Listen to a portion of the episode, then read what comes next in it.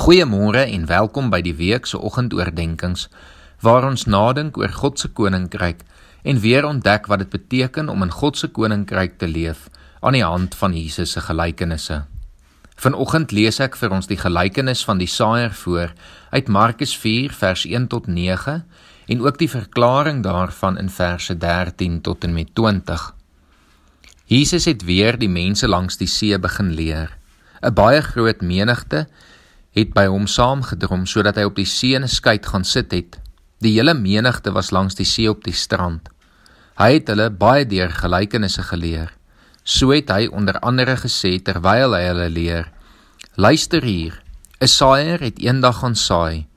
Met die saai het 'n deel van die saad op die pad geval en die voëls het gekom en dit opgepik. 'n Ander deel daarvan het op 'n klipbank geval waar daar nie baie grond was nie. Dit het gou opgekom omdat die grond nie diep was nie.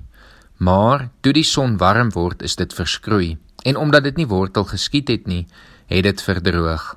'n Ander deel het tussen die onkruid geval. Die onkruid het opgekom en dit laat verstik en dit het nie saad geskiet nie. Die ander saad het in goeie grond geval en dit het opgekom, gegroei en 'n oes gelewer. Party 30voudig gedra, ander 60 en nog ander 100voudig. Verder het hy gesê: Wie ore het en kan hoor, moet luister. Hy sê toe vir hulle: Julle begryp nie eens hierdie gelykenis nie. Hoe sal julle dan al die ander gelykenisse kan verstaan? Die saaiër saai die woord. Daar is mense by wie daar soos op die pad gesaai word. Sodra hulle die woord hoor, kom die Satan en vat die woord weg wat in hulle gesaai is. Daar is mense by wie daar soos op klipbanke gesaai word. Sodra hulle die woord hoor, neem hulle dit met blydskap aan. Hulle laat dit egter nie in hulle wortel skiet nie en hou nie lank uit nie. As hulle daarna ter wille van die woord verdruk of vervolg word, word hulle gou afvallig. Daar is mense by wie daar soos tussen die onkruid gesaai word. Dit is hulle wat die woord hoor, maar die sorges van die lewe en die verleiding van die rykdom en die begeertes na allerlei ander dinge kom op en verstik die woord en dit bly sonder vrug. Dan is daar die mense by wie daar soos op goeie grond gesaai is wat die woord hoor en aanvaar en vrug voortbring. Party 30, party 60 en party 100voudig. Hierdie baie bekende gelykenis het soveel vir ons om te bied. Kom ons begin vanoggend en dink net vir 'n oomblik na oor ons eie lewe. Hoe lyk die grond van jou hart vandag? Is jy ontvanklik vir die woord van God? Luister jy daarna en laat jy toe dat jy vrugbare grond is wat vrug voortbring 30, 60 of 100voudig? Of het die grond van jou hart erns hard geword? Is daar voëls in jou lewe wat die saad oppik? Is daar onkruid wat dit verstik? Het jy al wortel geskiet? Jesus waarsku ons hier dat ons versigtig moet wees vir 'n klomp dinge in ons lewe wat kan veroorsaak dat ons nie vrug dra in sy koninkryk nie.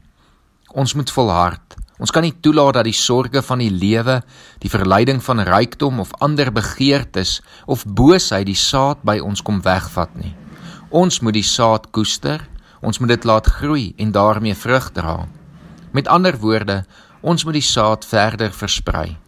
Daarom is dit ook nodig om vanoggend jouself af te vra: Waar saai jy op die oomblik? Vir wie is jy besig om die goeie nuus van die evangelie van God te vertel? Uit dankbaarheid vir die saadjie wat in jou geval het en begin groei het en wat vir jou lewe gegee het, kan jy mos nie anders as om die saad verder te laat versprei nie.